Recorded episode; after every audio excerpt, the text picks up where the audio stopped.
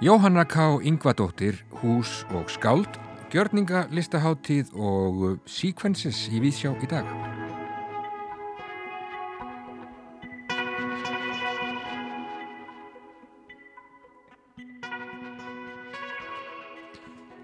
Við ætlum að hitta Ástísi Ólafsdóttur listfræðing og ræða við hann um myndlist Jóhannu K. Yngvadóttur en yfirleitt síning á verkum hennar Eintall verður opnuð í listasafni Íslands á lögadag. Jóhanna var eittra listamanna sem kom fram snemma á nýjunda áratögnum í tengslum við nýjamálverkið svo kallaða. Ráðamenn á Akureyri þeir íhuga nú að selja Sigur Hæðir hús Mattíasar Jokkumssonar. Akureyringar þeir eiga falleg skáldahús sem kendir við Daví Stefánsson og nonna Jón Sveinsson og svo er það auðvitað Sigur Hæðir þetta fallega hús í brekkunni fyrir neðan Akureyrar kirkju. Við ætlum að tala um hús og skáld í Víðsjá í dag viðmælandi okkar verður Pétur Ármannsson, arkitekt. Nýjunda Sequences myndlistraháttíðin verður sett á förstu dag í Marsjálfhúsinu en hún fer fram víðar í Reykjavík fram til 20. oktober. Sýningastjórar háttíðarinnar Hildi Gunnur Birgistóttir og Ingólfur Arnarsson sem bæði er jústarfandi myndlistamenn verða tekinn tali í Víðsjá dagsins. Já og meira af háttíðahaldi í Víðsjá í dag, gjörningarlista háttíðin A. Upprópunarmerki hefst á Akureyri á morgun og stendur fram á sunnudag. Fjölmarkir listamenn koma fram á háttíðinni sem er samstarfsverkefni Leikfélags Akureyrar og menningarhúsins Hofs. Marta Nordal, leikhússtjóri leikfélagsins, hún verður gestur okkar í þættinum í dag og segir frá. En við byrjum í brakandi haustblíðu í miðborg Reykjavíkur. Já, ég kom hérna niður í Grjóta Þorp. Uh, meiningin var nú að uh, koma sér fyrir í hennu fallega Gröndalshúsi en það er nú bara læst og uh, engum hleyft þar inn okkvæmlega núna en það sakar ekki að standa hér í góðu veðri fyrir utan húsið. Við ætlum að tala um skáld og hús í Víðsjá í dag, næstu mínúturnar.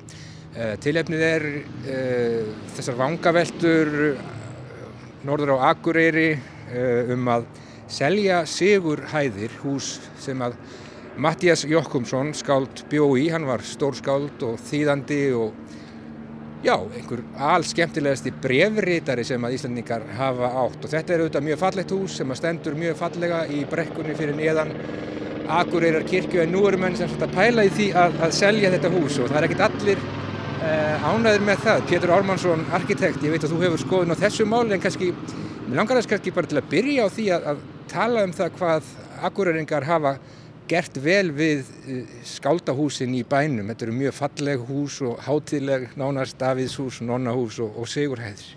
Já, það er alveg satt. Þetta er eitt af því sem gerir Akureyri sérstaka. Það eru þessi þrjú skáldahús sem að allavega hinga til að hafa verið svona eins konar minnjasöfn um viðkomandi höfunda. Eh, það er náttúrulega nonnahúsið við, við minnjasöfnið sem að var hans bernsku heimili og, á, og ákveðin saga í kringu það hvernig það var svo hérna gert að safni og allt það. Eh, svo er það náttúrulega Davíðshús sem að er alveg stórmerkilegt hús á landsvísu, eh, teiknað af herði Bjarnasinni, húsamestara ríkisins sérstaklega fyrir Davíð og hans óskir, þetta er sér hann að hús og það er varðveitt með öllum hans, öllu hans imbúi og bókum og, og það er magnað að koma inn og finna anda Davís, maður fær óvíða sterkari tilfinningu Já. fyrir nærveru eins manns enn í Davís-húsi. Heldur betur.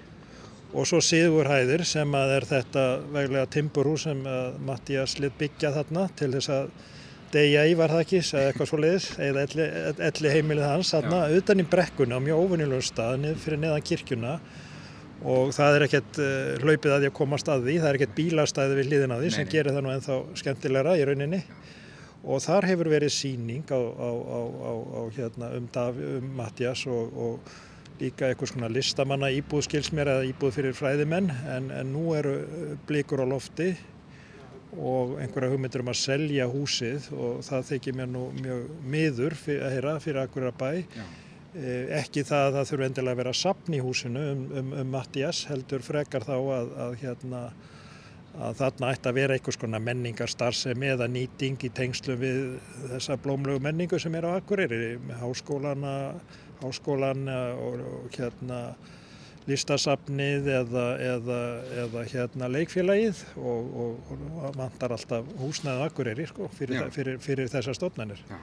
Já, manni finnst þetta einhvern veginn glórulaust að, að ætla sér að selja þetta hús, manni finnst að það eigi að vera svona, já, aðgengilegt fyrir, fyrir fólk sem að, já, hefur áhuga á, á Mattiasi og hans skálskap en það er nú kannski auðvelt að standa hérna í miðju Grótaþorpi í Reykjavík og, og rífa kæft við Reykjavíkingar höfum kannski ekkert verið neitt sjálflega duglegir við það að púka upp á skáldahús við stöndum reyndar hérna fyrir utan uh, hús Gröndals sem var við Vesturgötu 16B á sínum tíma og fluttingaði Grótaþorpið, afskaplega fallegt en við hefðum nú, hefðu nú mögulega geta gert betur á þessu sviði.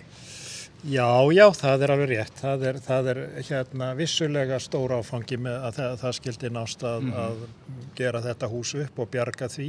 Það er að vísu ekki að sinum uppalega stað en Nei. það er komið hingað í nýtt samhengi í Grjótaþorpinu við hliðina á, á grunninum af Glasgow þar sem að náttúrugripasafnið var í einu sinni og í tíð Benedikt þannig að það hefur svo litla tengingu við þennan, við þennan stað. Mm. Svo er náttúrulega, svo er náttúrulega Gunnarshús eh, við Dingju við 8 í laugarásnum hús sem að Gunnar Gunnarsson létt byggja eftir hann flutti frá Skriðuklaustri og settist að hérna í bænum.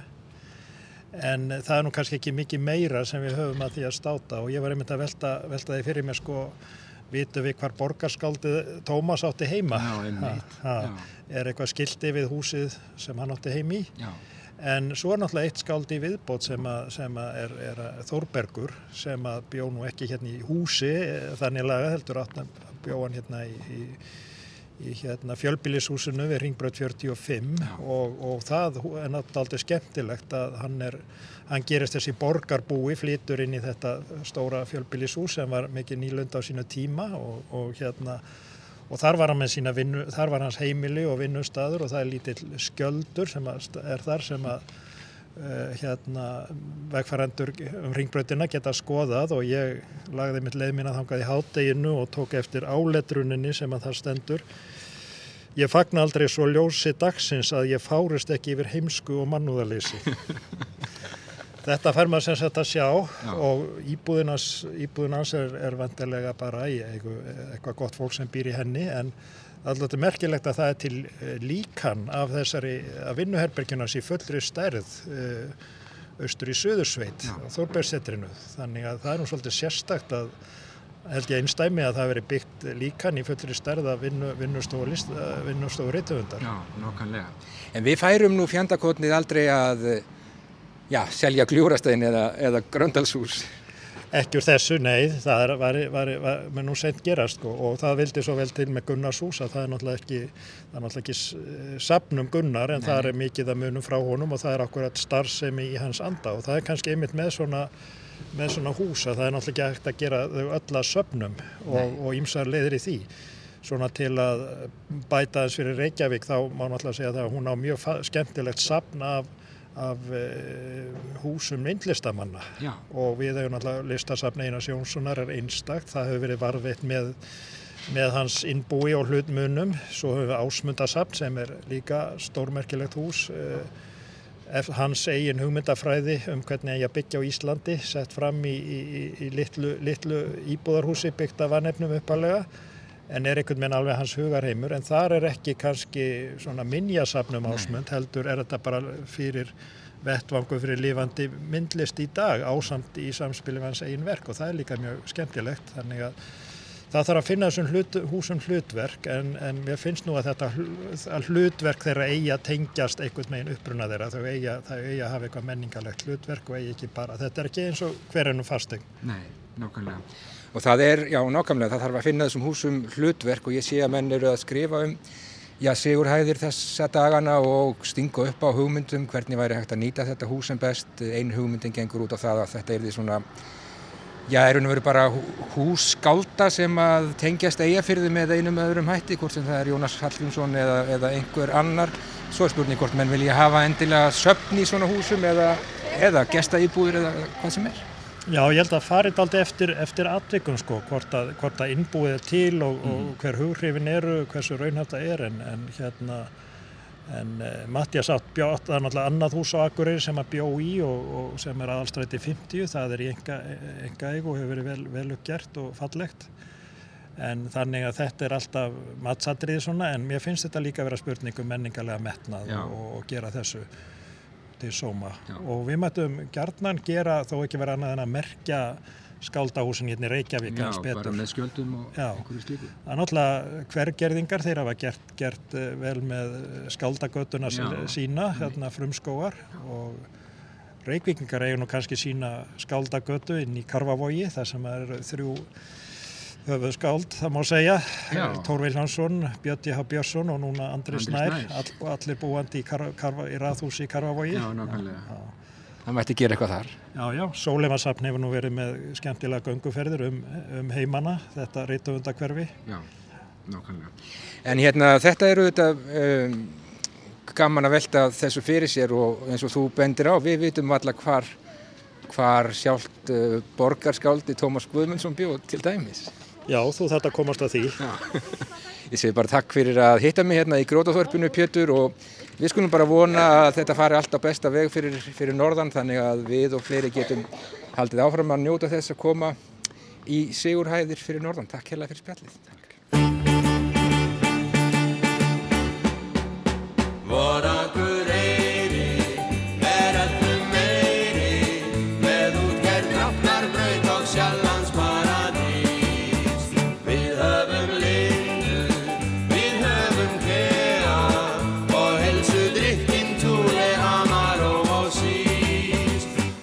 Skíðahótelið skín við upp í fjöllum og nýja skíðaliftan þar sparar göngu öllum. Við þurfum lítið sem ekkert að sækja suður og sjálfgöð menning, hún er okkar stór. Vor akkur eiri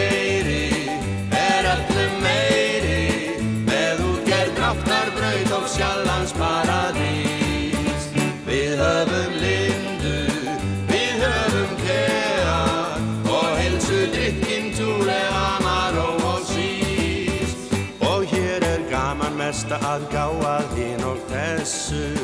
Er ganga stúlkur okkar um rúndin eftir messu. En varist drengir ekki vöndustömmur slíkar. Sér við halda kjósa það er engum hór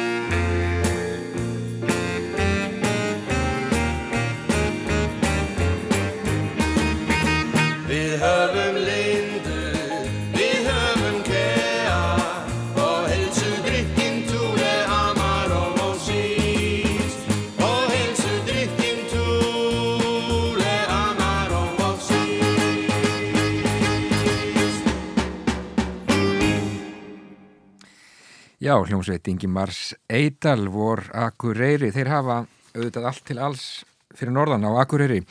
Lindu, Kea, Helsudrykkin, Túle, Amaró og Sís og þá er nú aðeins fátt eitt nefnt og þar er líka húsið Sigurhæðir sem að mennir að íhuga að selja núna skáldahúsin ekki eins og hver önnur fastegn, segði Pétur Ármannsson. Við spyrjum að leikslókum með, með þetta.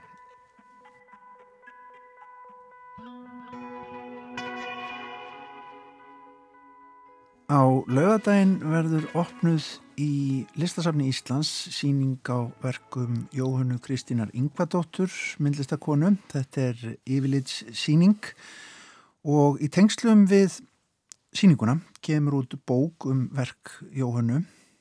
Þar rítar texta Ástís Ólafsdóttir, listfræðingur, hún er hinga komin í Víðsjá, velkomin Ástís. Sko, ég ætla að fá að bara vitna hérna aðeins í fyrstu orðin í greininni sem að heitir Á vit þagnarinnar og litana, líf og listi og hennu Kristina Yngvadóttur. Vorið 1983 kom fram á sjónasvið íslenskra myndlistar ung og viðkvæmnisleg kona sem málaði stórar, þróttmiklar og sláandi myndir. Áhrifin voru tafarlaus og var ljóst að hér var komin listamæður sem að fór sínar eigin leiðir í tólkun, myndefni og lit. En að stutti ferill var eins og halastjarnar á himni íslenskrar menningar vitundar. Hún byrtist sem ægi fagur blossi og skildi eftir sig djúbstæð spór. Sko, er þetta ekki bara nokkur vel líst? Eh, hún kemur um miklum krafti fram 1983 fyrir hún fyrst að vekja aðtegli hér á Íslandi í íslensku listsamengi. Já, hún, þá opnar hún sína fyrstu engasýningu mm. og hún hafði sko aðeins fyrir árinu 83 þá hafði hún tekið þátt í, í samsýningunni Guldströndin Andar mm. þeirri frægusýningu. Nýja málverki var að koma til sögunar. Já, mm. nákvæmlega og, og þannig að hún í rauninni, já, kemur inn sko með, um, með, með því -hmm. en algjörlega á eigin fórsendum. Hún, hún var í rauninni að gera allt annað heldur en uh, flesti þeir sem voru í nýja málverkinu mm. en, um, en, en naut náttúrulega góðs af umfjöllunum það mm -hmm. og hennar fyrsta engasýning opnar hann í april 83 og, og, og það var, var svona einmitt aldrei sjokk uh, fyrir fólk að sjá, sjá þessa listakonu sem kom á og Hún átti nú að baki talsveit nám, var bæði búin að vera í myndlistu handíðaskólanum á Íslandi og, og, og líka vera við nám í Hollandi. Mm. og, og hún kemur þarna fram sem svona einmitt fullmótaður þroskaðu listamæð með algjörlega sinn stíl eh, á sínum fórsendum með stór kraftmikil verk, þetta voru verk sem voru alveg 1.90 sem 1.90 mörg og, eh, og vakti, vakti gífurlega aðtegli þetta er átaka mikil myndlist þá mann finnst og oft aldrei dökk. Það er svona undirtótni þessu. Ekki satt? Jú, akkurat, hún hérna hún er svona ek ekspressionisti og, og um, þannig að hún, hún, hún, hún þetta er svona átök við, við, við uh, stregan og hún og hún, hún er rauninni gefur, gefur allt, hún, hún gefur sjálfa sig og, og, og, og málar eh, bæði, já, það sem hún, tilfinningar sem hún sér í umhverfinu og sjálfa sín. Mm -hmm. og einmitt, hérna, hún, er, hún hefur oft verið orðu við svartalitin hérna, hann er svona, hann er mjög ríkjandi í hennar verkum, ekki öllum en, en, en mörgum og, uh, og hún sagði sjálfa hérna að svona dökkilitir hefðu, hefðu sér betur. Mm. Á þessum tíma er náttúrulega sko það fíguratífa kemur allir aftur upp á svona yfirborðið eftir, já, eftir eh, svona nýlistar tímabilið þar á undan og ég tala náttúrulega um afslagsjónuna eh, sko hún er fíguratíf en vitum við eitthvað hverslas verur það eru sem byggja hennan myndheim sem hún er að, að mála? Já, hún, hún sagði, sagði sjálf sko vera fyrir áhrifum af fólki og bara fólki sem hún hitti og, og, og svona uh, þeim tilfinningum sem að, sem að þau, það, það, það vekti með henni mm. og, og eins, um, eins er eins og hún sé voða mikið að mála sjálfa sig. Já og, og þannig að þetta eru um, stundum getur maður reynilega þekkt sjálfsmyndir hún var svona, hún var aldrei sérstök í útliti og svona grönn með dögt sítt hár og, og svona bauða undir augunum mm -hmm. og en hún málaði líka talsvert uh, fjölskylduna uh, sískinni sín og um, Uh, já, þannig að þetta eru, þetta eru svona kannski, já, fólk sem er henni náið, hún sjálf eða, já, fólki nánast umhverfi. Mm -hmm. Hún er, þú bendir á, hún, hún hérna lærir út í Hollandi og er í svona, það er aldrei góðum hópi listamanna sem koma heim þannig um svipa leiti, ekki satt, og ákveðin svona, já, Daldi fyrirferða mingil kynnslóð íslenska listamanna sem hún tilir. Hverjir eru þar? Já, þetta, þetta var oft kallað túlipanna kynnslóðin. Já, allir fór til Hollands. Allir fór til Hollands. og nú þarna eru til dæmis Helgi Þorkils Fríðjónsson, um, Rúri, Stengrum Reifjörð, já, þau eru hérna uh, gott mengi, gott mengi og, og þau voru samheldin líka og góði vinir og svona. En, en Jóhanna var einhvern veginn alltaf svona aðeins uh, aðeins öðruvísi. Og, og, og hérna og meðan einmitt fólk, fólk var meira í svona nýlistinni og konseptinu og svona þá, þá hérna þá var hún bara einhvern veginn í þessari svona hefbundnu í þessu hefbundna málverki. Mm. Sko hvenar er það sem að þú heyrir af þessari listakonu? Já, það var hérna 83, heldur þegar hún held sína fyrstu engasýningu þá hérna, Já, það er bara strax nokkur með bara, Já, já, sko hvort það var 83, 80, jú, ég held að vera okkur 83, já. að þá hérna, þá var ég farin til náms í, í, í Fraklandi til Parísar að læra listasögu. Og, og hérna, og móðu mín með sérna Tómas Dóttir, hún, hún hérna, hún var alltaf að svona, sjá til að ég fyldist með því sem var að gerast á Íslandi. Og, og, og hún sagði mig frá þessari mögnuðu mögnuðu listakonu, þessu málara sem væri komin fram já, já. og sem bara snert hana svona stert og, og sendi mér allt sem hún fann um hana og hérna, þannig að ég mitt hef svona fylst með henni frá, frá fyrstu, fyrsta, fyrsta, fyrsta tíma. Mm. Þannig að þú eru átt að fylgjast vel með því sem þú var að gerast heima við en um, sko það sem að kannski býrundi niðri er líka sko svona dálil hennar líf er enginn dansa rósum hún á daldið svona erfitt með sig og sínar sitt geð uh, og það kemur fram í myndlistin ekki satt? Jú, einmitt, hún var, hún var mjög svona skapstort batn og, og hérna og, og tók dramaköst mm. á unglingsárunum, víst og hérna Þú lýsi því að hún er strax byrjuð með liti? Og, og, já, já, og, og strax þegar hún lítil þá byrjar hún að, byrjar hún að lita og tekna og tek, tekna alltaf mjög mikið, hún var frábær teknari mm. En um leið, hún var, hún var mjög listneigð og, og, og tímabili haf, vildi hún vera kannski vera leikona eða, eða ballettansari og, svo enda með hún fór í, í myndlistina. Og uh, já, hún, hún var alveg full meðvituð um að hún væri, væri mjög erfitt skap og hérna og hún var líka helsu veil, hún mhm. hérna var með öndunum fara sjúkdóm og fekk tíð asmaköst, lúnabólgur og þurfti að vera á sjúkrastofnunum mm -hmm. og um, en, en hún, já, hún, hún hefur í sig svona það með þessa svona dramatík mm -hmm. og uh, og uh, sem passar í þennan ekspressionisma já, já, þess vegna sem að þessi ekspressionismi hendar henni vel já, já. sko það að fá svona síningu það, það lítur að vera aldrei gott tækifæri fyrir okkur að kynnast þessari konu daldi upp og nýtt. Er það ekki það sem við kannski þurfum?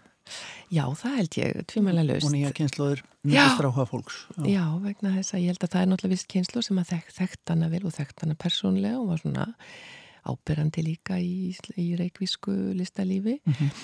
en, en svo er önnur kynslu sem að, sem að yngri sem að þekkja hann ekki mikið og, og það hef ekki sérst mikið verkininnar. Mm. Það var haldinn síningi gerðarsafni 2013 en, uh, en, en síðan þá hefur um þetta verkina ekki mikið sérst og á þessari síningu er Og, og í bókinni líka er mikið verkun sem hafa lítið ekkert sérst vegna þess að þau eru mjög mörg í engaegu mm -hmm hún náttúrulega áverk í hjá öllum helstu listastofnunum en, en, en mörgverk er í enga þannig að þetta búið að vera aldrei svona vinna að, að sapna þessu saman og ég held að sé mitt mjög, mjög hérna mjög mikilvægt finnst mér að, að, að eh, kynna hana aftur og sína og sérstaklega sjá og geta séð verkininnar í raun. og fara svona ganga inn í þennan já, doldið dramatíska myndheim Já, nákvæmlega. Ástís Ólastóttir, takk hjálpa fyrir komuna í Víðsjá og takk fyrir að segja okkur frá Jóhannu Kristínu Yngvadóttur og list hennar. Takk. Já, forvitnileg síning með verkum Jóhannu K. Yngvadóttur opnuð í listasafni Íslands á lögadag. Eintal heitir hún og með síningunni fylgir bók sem að Ástís Ólastóttir reytar í en þarna tölum við við hana. En Erikur, hvað gerir maður þegar maður hættir í kallakór? Um, þá er þetta bara búið. Nei, það er nefnilega ekki búið. Af því að það er oft til, já, lágaradeldir í kallakórum og sem að taka við mönnum þegar hætt að syngja vilja, vilja hérna, svona kúpla sér niður í, í kórstarfinu.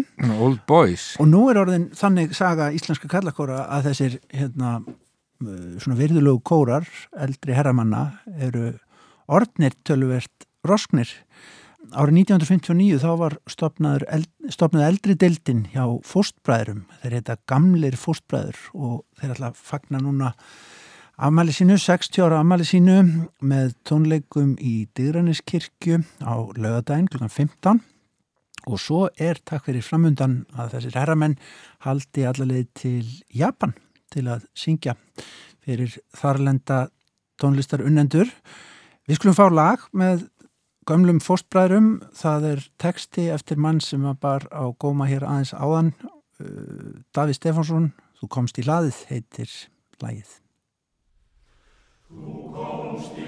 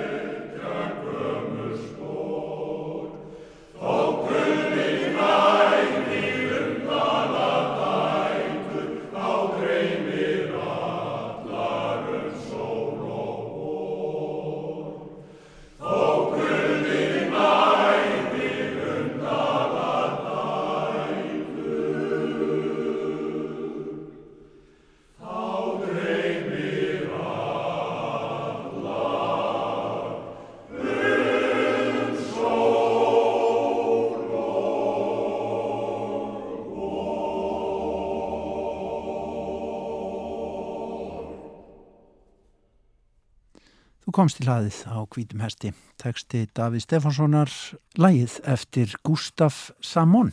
En við ætlum að huga að gjörningum Norra Akureyri. Velkomin í Víðsjá, Marta Nordal, uh, gjörningalistaháttíð sem að heitir A og uh, já, fer fram á Akureyri, segðu frá. Uh, já, þetta er, er mjög spennandi viðburu sem að var stopnaði fyrir nokkrum árum Mhm. af Hlini Halsinni sem er núna, sem er sérst yfir listasafni Akureyrar, nei, já, og síðan Ragnæði Skúladóttur og Bjarni Jónssoni sem eru með lokal. Og síðan hefur þetta bara svona undið upp á sig og leikfélag Akureyrar, hún var náttúrulega hérna yfir leikfélag Akureyrar þessum tíma og við höfum svona tekið uh, ævirkari þátt í þessu og, og þarna koma bæði listamenn þaðan frá Reykjavík og, og Erlendis frá. Og hvað get ég sagt þér? Gjörningahátti, þetta er hérna, eins og við vitum þá eru gjörningar spretta upp úr myndlistinni. Mm En þetta er eins og mjög skemmtilegt og opið listform og hefur alveg snertifleti við leikhúsi líka. Þannig að það eru þarna eins og núna, þá eru við með listamenn svona að megin kannski stóðin eru myndlistamenn en þó nokkrir úr, úr leikhúsinu og líka bara svona hvaðan ef af, svona margir svona listahópar þar sem alls konar fólk er innan bors og uh, við breytum upp á nýjung semst ég er í verkefnastjórn á samt hlýni halsinni og, og Örnu Guðnju Valsdóttur og Guðrúnu Þórsdóttur og við breytum upp á nýjung og höfum svona open call svo kallað og semst það sem fólk gætt sótt um eða listamenn. Þannig að við völdum bæði beintina háttíðina og líka í gegnum svona umsóknarferðli sem var líka mjög skemmtilegt. Já. Og þetta er svona, já eins og þú nefnir, þetta er mjög, mjög svona skemmtilegt og, og frjótt form getur verið, svona á mörgum, þetta er myndlist og leiklist, þetta er okkur í grensu þarna á milli er það ekki. Mm Jú og líka bara, ég held að í raunulega sér ekki, ekki takt að skilgreina gjörning. Nei. Ég hef um eitt beðið myndlista fólk um að gera það, af því ég er náttúrulega ekki myndlistamæður. en það er í raunverulega svona kannski, þú veist, hann getur verið bæði mjög stuttur, bara, bara örstuttur, yfir í bara mjög langan en það sem er kannski hefur einkjent af þetta er náttúrulega ekki svona performatíft beint, svona non-performatíft af því þetta ofta þetta bara myndlistamenninni sjálfi sem gera þetta, þú veist, flytja sinn gjörning. En þetta er, já, þetta er, hann er rosalega opinn og svona tilruna, getur verið tilrunakendur og fyrir mig finnst mér þetta mjög spennandi sem sko fyrir hand leikvælas akkurar því við höfum kannski ekki tækifæri til þess að vera mjög mikið svona í framsók, fram, framsóknarlist framsækinni hérna list eða svona tilrunakendi list í okkar leikus við höfum bara ekki marka til þess þannig að þarna er svona tækifæri fyrir okkur til þess að tegja okkur út í bæði í samstarfið hérna myndlistar uh, hópi, hópa og svo líka bara svona tegja okkar svona listsköpun yfir í svolítið svona tilrunakjönd. Já, er uh, lifir gjörningalist góðu lífi á, á Íslandi árið 2019? Eru margir að, eru margir að fástu þetta? Já, ég menna hvað er Ragnar Kjartansson ekki alltaf að gera gjörninga? Jú, til dæmis. Já, Já. þannig ég held að sé margir í Snorri Ásmundsson, hann er mm -hmm. alltaf að gera gjörninga og mikið svona mjög svona vinsælum gjörningum. Eða, veist, þetta getur líka verið mjög svona, hvað maður segja, höfða mjög mikið til almennings sem er gjörninga að gera það. Já. Já, ég held að sé að það eru svona nokkri sem hafa verið að kannski stútir þetta sérstaklega mikið, það gera mikið afgjörningum og aðrir náttúrulega minna. Já. En þetta er svona kannski uh, gaman að þessu að því að þetta er svolítið svona sérhæft. Ég menna, ég held að sé engin, ekki svo ég viti til, ég voni sé að fara rétt með, að ég held að sé ekkit svona gjörningaháttið í Íslandi önnur.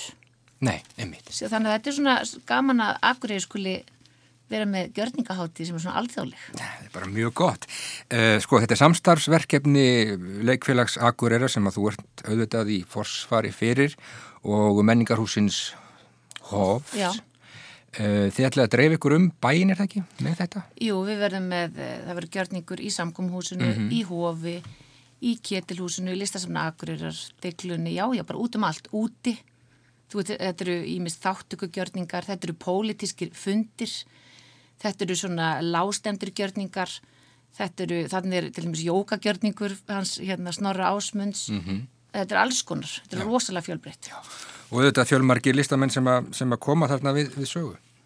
Já, mjög margir, ég get alveg nefndir einhverju að þú vilt, Halli Jóns til dæmis sem mm -hmm. verður með gjörning, það er hérna einn gjörningu sem kemur úr leikusinu Íris Stefania Skúladóttir er með svona, uh, hvað hva maður segja, svona kvennagjörning þegar ég fróa mér er einn gjörningur.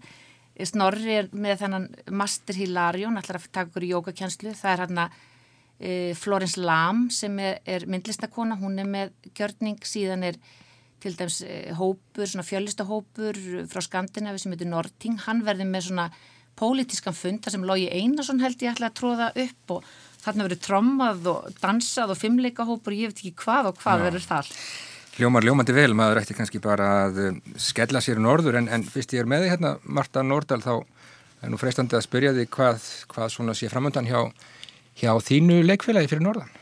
Já, við vorum, okkar svona leikári hefur svona verið yfirskriftin æskan og unga fólkið og við hefum verið svona einblýna á uh, verk sem að, svona tala svolítið til yngri kynsluðar og við erum uh, núna nýbúin að frumsýna í samstarfi við leikópin umskiptinga Galdragáttina sem er, uh, sem er byggt á þjóðsögum Jóns Átnarssonar mm -hmm. eða það er svona verið að leika sig með það. Og hérna það, við frumsýndum það bara um síðustu helgi og gekk alveg ótrúlega vel og var mjög skemmtileg síning og núna eru við að fara sérst í svona, hvað maður segja, krúnudjásnið sem er Vori Vagnar, söngleikurum Vori Vagnar sem er markverlunar Tóni söngleikur en hann er byggður á gömlu verki eftir Frank Wedekind, þýsku verki frá 19. öld sem er um unglinga sem er alast þar upp og alast upp í þessu afturhaldsama eh, samfélagi sem er mjög vel líst í veröld sem var, Stefan Svæk og þau sagt, eru svona kúð af sínum svona foreldrum og, og, og eldra fólki og brjótast síðan út í svona pop uh, tónlist, þar, mm. þar fær þeirra innra líf e, svona útrás já. og þetta er eh, svona okkar stærsta og já, stærsta verkefni og fremsinu það í lok januar. Já. Hljómar uh, ljómandi vel en uh, gjörninga listaháttíðin A, hún hefst fyrir norðan á já, Akureyri á, á morgun já. og stendur fram á sunnudag fullt af fínum viðburðum í bóði. Ég segi bara takk fyrir komuna í Víðsjá Marta Nordal og gangi ykkur vel. Við sjáum kannski bara fyrir Norðan. Takk. Ég, takk.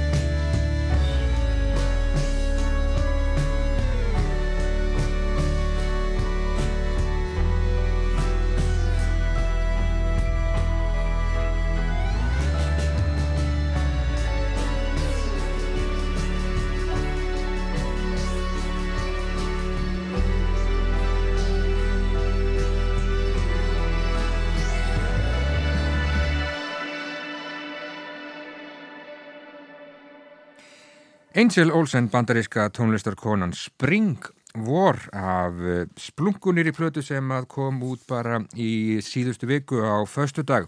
Heitir All Mirrors og já, fær heldur betur góða dóma, fjórða plata þessarar hæfileikaríku konu. 32 ára gömul frá Chicago og já, fjórar og fimm stjörnur bókstaflega út um allt fær um þessi plata All Mirrors Marta Nordal. Leikústjóri, leikfélags Akureyrar, hún sagði okkur frá gjörningarlistaháttíðinni A, upprópunarmerki, sem hefst fyrir norðan á morgun og stendur fram á sunnudag. Fjölmarki listamenn sem koma þar við sögu, viðsvegar um bæinn. En e, það eru háttíðir bæði fyrir norðan heiðar og sunnan heiða ágættu hlustendur. Nýjunda Sequences myndlistarháttíðin hefst núna á förstu dag og stendur fram til 20. oktober og hingað eru komnir nýjir uh, síningarstjórar eða hátíðarstjórar skulum við segja í heimsóknir Víðsjá Hildi Gunnur Birgistóttir og Ingólu Arnarsson velkomin Takk. Sko hérna á leiðin inn áðan þá uh, heyrði ég bara á okkur að þetta er svona alltaf, alltaf fæðast hvað segið þið? Já, Hvernig líst ykkur á þetta núna á þessum tífampunkti? mjög vel. Já, þetta var, sko, við höfum svona grunnhugmynd um hvernig þessar sýningar ætti að líti út sem við erum að skipleggja. Svo eh, það stend svona nokkur neginn en samt kemur mjög mjög óvart. Það er svona ymsir svona ymsir ángar sem að skotist út sem að við byggum sér ekki endilega við og, og óvænt, óvæntir ángar á, og svona, já, og þannig að þetta er svona, við vorum mynd að tala um það sem myndlistamenn hvað þetta er ótt skemmtilegsti hlutin af því að setjum síningar að þetta er svona þegar maður er að byrja að sjá Já, allt smella saman og svona, og taka á sig einhverja, þú veist, einmitt Mynd. örlítið sko hérna uh, óvænta mynd. Ör, svona, þú veist, þennja þennja hugmyndina sem þú hafðir. Og hérna við vorum já, einmitt að ræða það líka við erum búin að tala um konsepti núna í svolítið marga mánuði og vorum svona næstu því orðin leið á sjálf okkur og það, þetta er svo ofbáslega þakklátt augnablik þar sem að listamenninni streyma í hús með verkin og, og hérna og þetta er betur en þú gast óskaðir Sko, Sequences hátíðin, nýjunda stykkið af henni, uh, tengist rauntíma myndlist, og þá segir fólk að, uh, það er að segja einhverju myndlist sem er að gerast svona bara á meðan hún er og, og ég vel hverfur svo, ekki satt, eða hvað. Þetta er reyndar kannski dálítið flóknara en svo en svo. Ég held að svona þessi hefðbundna skilgrinning á rauntíma myndlist sé sko hérna tíma tengdur miðill, þá er það gjörningur, eitthvað sem að eh, hérna á sér stað fyrir framann augunaður en svo er líka vídeo inn í þessu hérna fyrirbæri, eitthvað sem hefur innbyggða tímalínu á meðan þú horfir á nýtur verksins. En við yngolur svo, svo sem búin að hérna snúa þessu upp á þetta eh, hugtak örlítið og Já, mér leifum síndist okkur. það aðeins, Já. eitthvað texta, þið eru aðeins að svindla eða hvað. jú, aðeins Jú, jú, fengum undan þá. Það hefur reynda verið svolítið svindla á þessu. Já. eins og síðasta hátíð var hún héti, héti hún ekki Elastic Time? Elastic Time, sem Já, hún var að velta fyrir sér hvernig myndlistamenn fara með tímahugtakið í verkum sínum.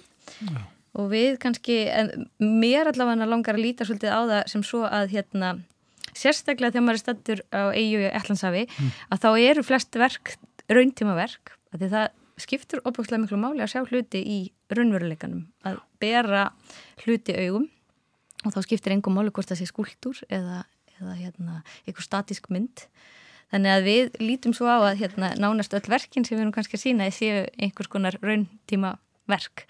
Allavega það að horfa á hann er rauntíma viðbyrður. Þannig að en- þannig erum við búin að tegja hugtakið. En sko- þannig að allt fellir þar undir. Já, já, og svo- og svona annað tvist á það er það upphálega kannski líka að bara taka þetta hugtæki eh, til orðið real time eða rauntími, kljúfa í sundu sitt gæsleppur utan sikkvort orðið. Já, já. Þannig við erum að kanna svona afstæðni tíma og staðar Akkurat. Raunveruleika. og raunveruleikans, og raunveruleikans og, og tímans og erum að velja samanverk til svona að reflektera eða sem sagt þess að um, fjalla um það á svona myndlistalega hátt, svona eins og myndlistamenn stilla saman hugmyndu og sjá hvernig verk innbyrðis verk á hvort annað og stilla endurstilla þessari spurningu fram og tilbaka svolítið. Þannig að það er ekki bara alveg handahúskend hérna, verk sem eru þarna, heldur Nei, nei. eru þarna með tilvísun í tíma og rúm. Ég var heldur ekki að segja það. og svo er, reynda, svo er raun- náttúrulega og svo, svo verður líka sko verk sem er í hefðbunum skilningi svona rauntíma Já, já. neina tímatengdi miðlar. Það verður kvikmyndasýningar í Bíóparadís sem er svona fallandi þess að hefðbunar í skilgrinningu Já, já, og á gjörningur og opnun og það verður e, vídeoverk á einni síningunni þannig að þetta er ekki herur gegn tímatengdum miðlum, við erum bara e, alveg jafn hrifin af þeim eins og hverjum öðrum miðlum. en verðum að viðkjanna, við erum ekki sérfræðing af því vorum beðin um að taka það verkað okkur þá erum við svona með almennan myndlista þekkingu Starfandi myndlistamenn. Já, bara, bara sem myndlistamenn og fagmenn og svona Og áhugafólk um myndlist. áhugafólk og, já, Og reyndar með fullt af þekkingu, ég veit það bara alveg. Já, já. já. En, en hún er ekki sérlega sko bundi við þessa tímatöngdu miðla. Nei. Við erum ekki sérfræðingar í vídeolist eða því, þannig við gerum stjórnin allt- strax hérna grein fyrir því að við erum ekki til í að nálgast verki þannig að þið, það myndum við ekki ráða við. hreinlega. En þetta var svo laus sem við byggðum upp á að nálgast það þennan. Þetta taldum við að vera heiðalegt gafkvæmt okkur að gera það þannig. Sko. Gott að vera heiðalögur. Það. En sko þið blandið saman eins og oft áður íslenskum listamönnum og erlendum listamönnum, verkum sem eru þá koma hinga til lands svona og hérna sumnöfnin kannast maður við og hefur heyrt um, önnur ekki auðvitað, eins og gengur og gerist í samtíma myndlistinni. Eh, hvernig bara ef þið svona sko útskýri fyrir okkur hvernig þið steipið svona saman að velja saman sem sagt eitthvað sem að ykkur finnst rýma, eða ekki? Eða hvað, eða skiptir rýmið kannski ekki máli? Sko, við erum þarna með svollar höfustöðar í Marsjálfhúsinu sem að nýleistasafnið og Klingubang líkur undir og þar eru við með stórar tvær samsýningar. Það er kannski svona okkar þunga miðja í þessu, þessu hérna, hátíðarhöldum. Það er síning A og síning B og þær eru svona einhvers konar tilraun okkar til þess að stilla saman, e, búa til einhvers svona tvær ólíka nálganir á, á þennan rauntíma og við leggjum það svona í hendur áhorfandans að reyna að fá eh, sitt hvora upplöfunna frá þessum stöðum í gegnum þau verk sem þar eru og það samtal sem verkin eiga við hvort annað. Það eru doldið ólíkar eða? Já, Já, það er eð- eðlis munur á þeim Já. Og, og þannig var auðvelt að finna náttúrulega fulltrúa á hvort stað fyrir sig með það í huga fyrir okkur. Þannig við hugsuðum okkur hérna listamenn sem myndi að henda A-sýningu og listamenn sem myndi að henda B-sýningu. Og svo að sjálfsögðu er er raunveruleikur ekki svartur og hvítur heldur grár. Og þannig eru listamæður til dæmi sem að fer á milli hæða hann hendar bæði í A og B og örgulega mörg þeirra myndu henda bæði í A og B. Um, það er Kristinn uh, Guðbrandur Harðarsson sem er einnig hérna, heiðurslistamæður og það er svona þessi þungamiða, þessi A og B. Og svo eru, við, svo eru nokkrar engasýningar uh, utan þess. Og þær eru svona mögulega á rófinu. Og uh, þær eru svona einhvers staðar hérna mitt á milli A og B. Og, og þar aftur leifðu við okkur um, sem við gerðum líka þegar við vorum að velja þessa listamenn í, í Marselhúsinu að, að velja eitthvað sem okkur langaði að sjá. Og hérna Það buðum er alltaf fólki mjög, gó- mjög góð aðferð. buðum fólki að vera með ný verk sem sagt, búið til nýjar síningar sem við vorum spennt fyrir að sjá. En þeir voru líka að velja þessu á þetta er samsýningar hvort tvekja, að þá sko við geta uppfyllt draum okkar uh, mestu en, en svo er náttúrulega sumt að þessum sem bara er stöðvar einhverju praktík Já. sem ekki gekk vegna fjárhags, fjárhagsaðistæðinu eða að listaminni voru tímabunni hérna í öðru verkefnum eða eitthvað svona en að mestuleiti gáttum við gert og þá þurftum við að koma svona backup plan til þess að Já. ná þeirri tilfinningu sem að það skildi eftir sig og svona til þess að, já, þetta er svona kreatífur leikur. En það er hefð, eins og þið segið og bendið á að, að tilnefna heiðuslistamann og þessu sinni, Kristín Gerhardsson sem að hérna, fær það. Já, þann bara flotta títil uh, af hverju? Nú spyr ég um raukstunning domnumdar og það er náttúrulega byggur, liggur bara eh, augljóst við fyrir okkur svona, en það kannski einhverju vilji pröfa að reyna það fyrir Ég öðrum. skal, ég skal reyna, þú tek, já, sko, um, þarna, það var náttúrulega íms nöfn sem flugu um, en hérna, við komum okkur saman um það að þetta, hann er, það er fjölbreyttan feril og þetta væri það áhugaverð verk. Og við erum að sikura kynnslóðinni, okkur finnst það báðum að verkið hans vera áhugaverð, en þau eru ekki mjög vel þekkt. Og þess vegna fannst okkur mjög eðlegt að varpa svolítið ljósi á þau og þannig að kynna þau svolítið fyrir almenningi. Þannig að við erum með þessa engasýningu í, í, í hérna. Ásmundarsal Já. með nýjum verkum og s- svo gefur hún út bók sem heitir Dauðabanni sem er svona sérframlag bókverk já. bókverk, eða svona, já veit ekki hvað að kalla er mjög dula full þessi bók, einhvers konar ljóðabók og ekki, ég veit ekki, mynda myndra en texta. ljóðabók Bastinu bort til mín í dag og ég hef með hugsaði með gott í glóðurinn og reyna áttam á henni svona. Já, óvennileg Já. Og síðan erum við eh, í Marshallhúsinu sínstort eldri verka. Hann hefur unni í alla miðla sko. hann hefur gert útsemismyndir hann hefur teiknað, málað gjörningar. undir texta, gjörningi bara, bara hann, þú veist, það er ótrúlega fjölbreytt. Og við veljum svona einhverju sínisorn af eldri verkum. Við erum í hérna La Primavera veitingahustæðanum niðri, þá erum við úrval af svona teikningur í ymsum tímum og á uh, miðhæði nýlisefni erum við nokkur eldri skúltúra og síðan eitt svona raunsætt málverk í Kling og Bang. Þannig svona gefum svona aðeins svona smá staðan fyrir að hafa svona eina stóra yfirlýsing á hann þá fannst það okkur meira áhugavert að dreifa hann svona um svona í formi bókar og, og samsýningar og engasýningar og svona þú veist, já. Já, hann, hérna, en rýmar hann sérstaklega við þessa tímatengingu? heldur betur. Sko sérstaklega þegar við erum búin að kljúa þetta svona í tvent og, og leika okkur aðeins að þessu að það vil svo skemmtilega til að þegar við fórum á og, hérna, fyrsta fund með Kristni og vorum búin að ákveða þetta og, og vissum alveg af hverju það er svona, það er svolítið svona gött feeling eða svona einhver, einhver svona innri lógík sem við vitum að þetta, þetta var akkurat rétt, alveg eins og við völdum svolítið kannski enga síningarnar sem eru þarna og rófi millir A og B að þ- síðan mætum við til Kristins og þá er svo ótrúlega skemmtilegt ef við tölum við hann að hann flokkar verkin sín örlítið í Tvo meginflokka. flokka sem eru svona raunsæjar uh, lýsingar á lífi. Er hans lífi, lífi manns í, í samfélagi. Og svo eitthvað sem hann myndi kalla mm, kannski meira tilbúning eða, eða ein, einhvers konar Handanheim handanheims hérna, skáldskap. Þannig að hérna fyrir okkur var þetta svona bara Samf samferðust þannig. Já, Já, um þetta- það þegar við erum að fjalla um, um eðlu raunveruleikans, veruleikans. já, að, að þarna hlýti að vera akkurat rétti, rétti maður og rétti stað Það er nú gott. en við fylgjumst með þessu áfram. Takk fyrir komuna í Víðsjá, Heilli Gunni Birgisdóttir og Ingóla Arnarsson. Við fylgjumst með Sequences 9 en þetta er sem sagt hátíð sem að stendur fram til 20. oktober og já, hjartað er í Marselhúsinu eins og bendið á en þið eru með vefsíðu satt sequences.is sem er að nálgast allt saman á. Já, Bendum áhuga sem á það. Takk fyrir komin í Víðsjá. Takk fyrir takk fyrir.